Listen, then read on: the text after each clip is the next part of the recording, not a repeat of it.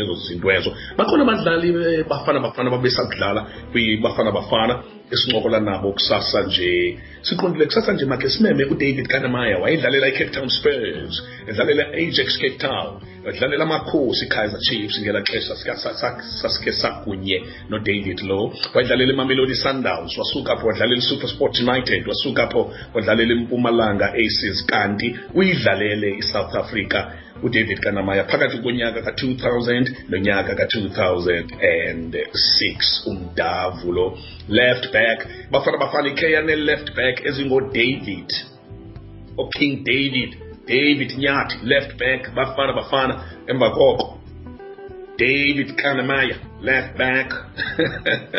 David good morning eta Good morning to you, Patko, and good morning to the listeners. Ah, it's good to hear you, man, Kumhlobo. It's good to hear you. Where is David Kannemeyer at the moment? At the moment, I'm back at home in Cape Town.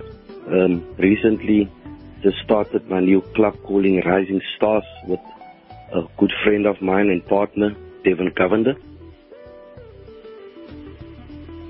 Wow, wow, that's amazing. That's amazing. And uh, the, the club competes in in which division or league at the We're in the we're in the local Tygerberg LFA League in Cape Town, which is the strongest league in Cape Town at the moment. And, and and obviously you have uh, big dreams about your club. Yes, correct. Um, I think um, developing wise in Cape Town at the moment, there's so much talent, um, and I think that clubs is not doing the correct thing and coaching from grassroots level. So that is my view and aim is to develop kids properly, and hopefully we can see some of them in Europe. Okay, all right, David. Let's let's go straight to the point that concerned a lot of ex-Bafana players, a lot of uh, ex-South Africa international players, some from the under 20, some from the Yeah. under 23, and some who played all those divisions, including Bafana Bafana. Unhappiness with uh, what they perceive or what you guys perceive as being isolated and excluded from the technical affairs of Bafana Bafana or the national teams. What, what is your feeling? And Coach Hugo Broos um, has been appointed and is coming to South Africa Yeah. next week. He will meet with his team and all of that. What is your reaction as former Bafana Bafana players who are involved and qualified as coaches as well? In my opinion, I think that um, we're just going backwards because um, every every time there's a change of coach. But what is our long-term planning? What is where is our development? Where is our ex-pros that is not involved at all? Um, I think if you look in Europe, Germany, England, all the ex-pros they're involved in the national teams, and that's why they're doing well. And I think, in my opinion, we're not learning. We're changing coaches day in, day out.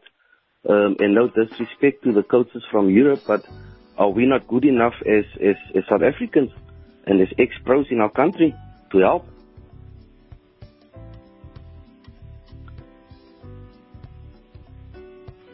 And David, um, in, in terms of your dialogues with the association, have you got a system where you as ex-players either are organized into a particular structure, not necessarily anything like a union, no, but where you are organized as a group, um, where you dialogue amongst yourselves and where you are able to engage the association as well so that the association knows that you are an integral stakeholder in the affairs of Bafana Bafana, Amaglug-glug, and Amajimbos, Amajita, and all these divisions.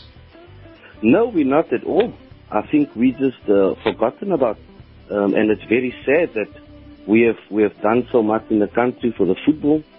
Um, we've some of us has won numerous trophies with numerous clubs, and I think uh, we do have experience. And people say you need experience to coach. So if we're not coaching, when are you going to get experience then as a coach? So I think, uh, in my opinion, uh, and and our planning, there's no planning at all if if we look at the moment at the rate that the country is going in our in our football, it's it's just it's unbelievable. You know, we have so many ex pros, and I can remember when we've done our CAF B, couple of years ago, there was 40 of us ex-professionals, and we're not involved. Hmm.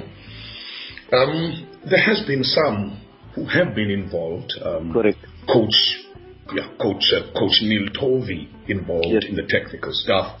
Um, the, the coach Pitso Mosimane, Correct. Coach Steve Komphela, you know, a, a number of Yes. few coaches. Uh, is it your worry that they're throwing the towel too early instead of exploring across the board?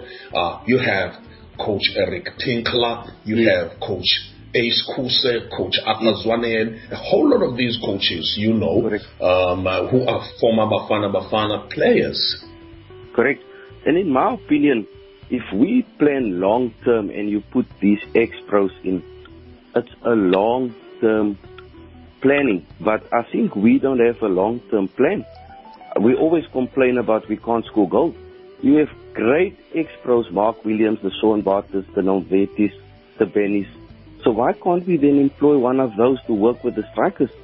The same as uh, Coach Eric Tinkler was a great midfielder. Why can't we employ him to take the midfielders? You know?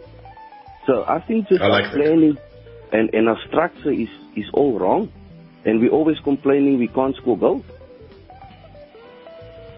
Sure.